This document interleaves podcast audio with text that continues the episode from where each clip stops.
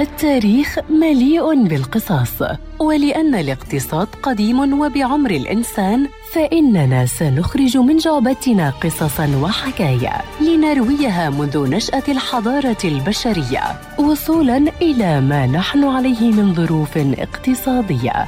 في بودكاست تاريخ الاقتصاد مع المدون الاقتصادي مجد النوري عبر إذاعة أجيال ومنصاتها المختلفة.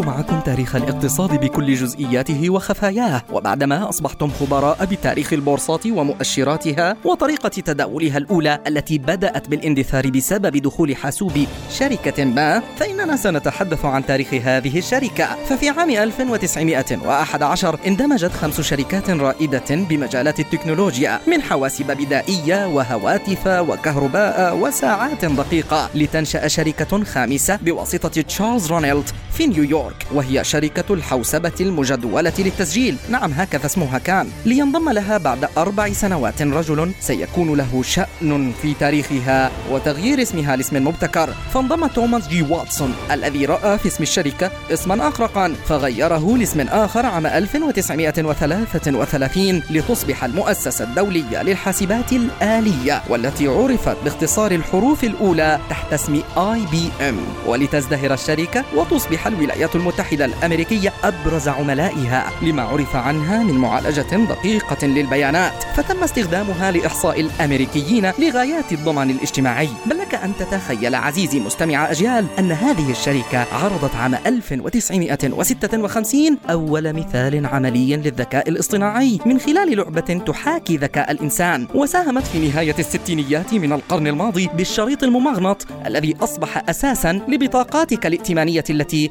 تعيش في جيبك. ثم وصل التطور فيها لتقديم أول حاسوب لبورصة لندن لتجربة التداول الإلكتروني الذي انطلق رسميا عام 1986 ولتكمل الشركة. رحلة مليئة بالتطور والتكنولوجيا رغم ما عانته من خسائر وعثرات.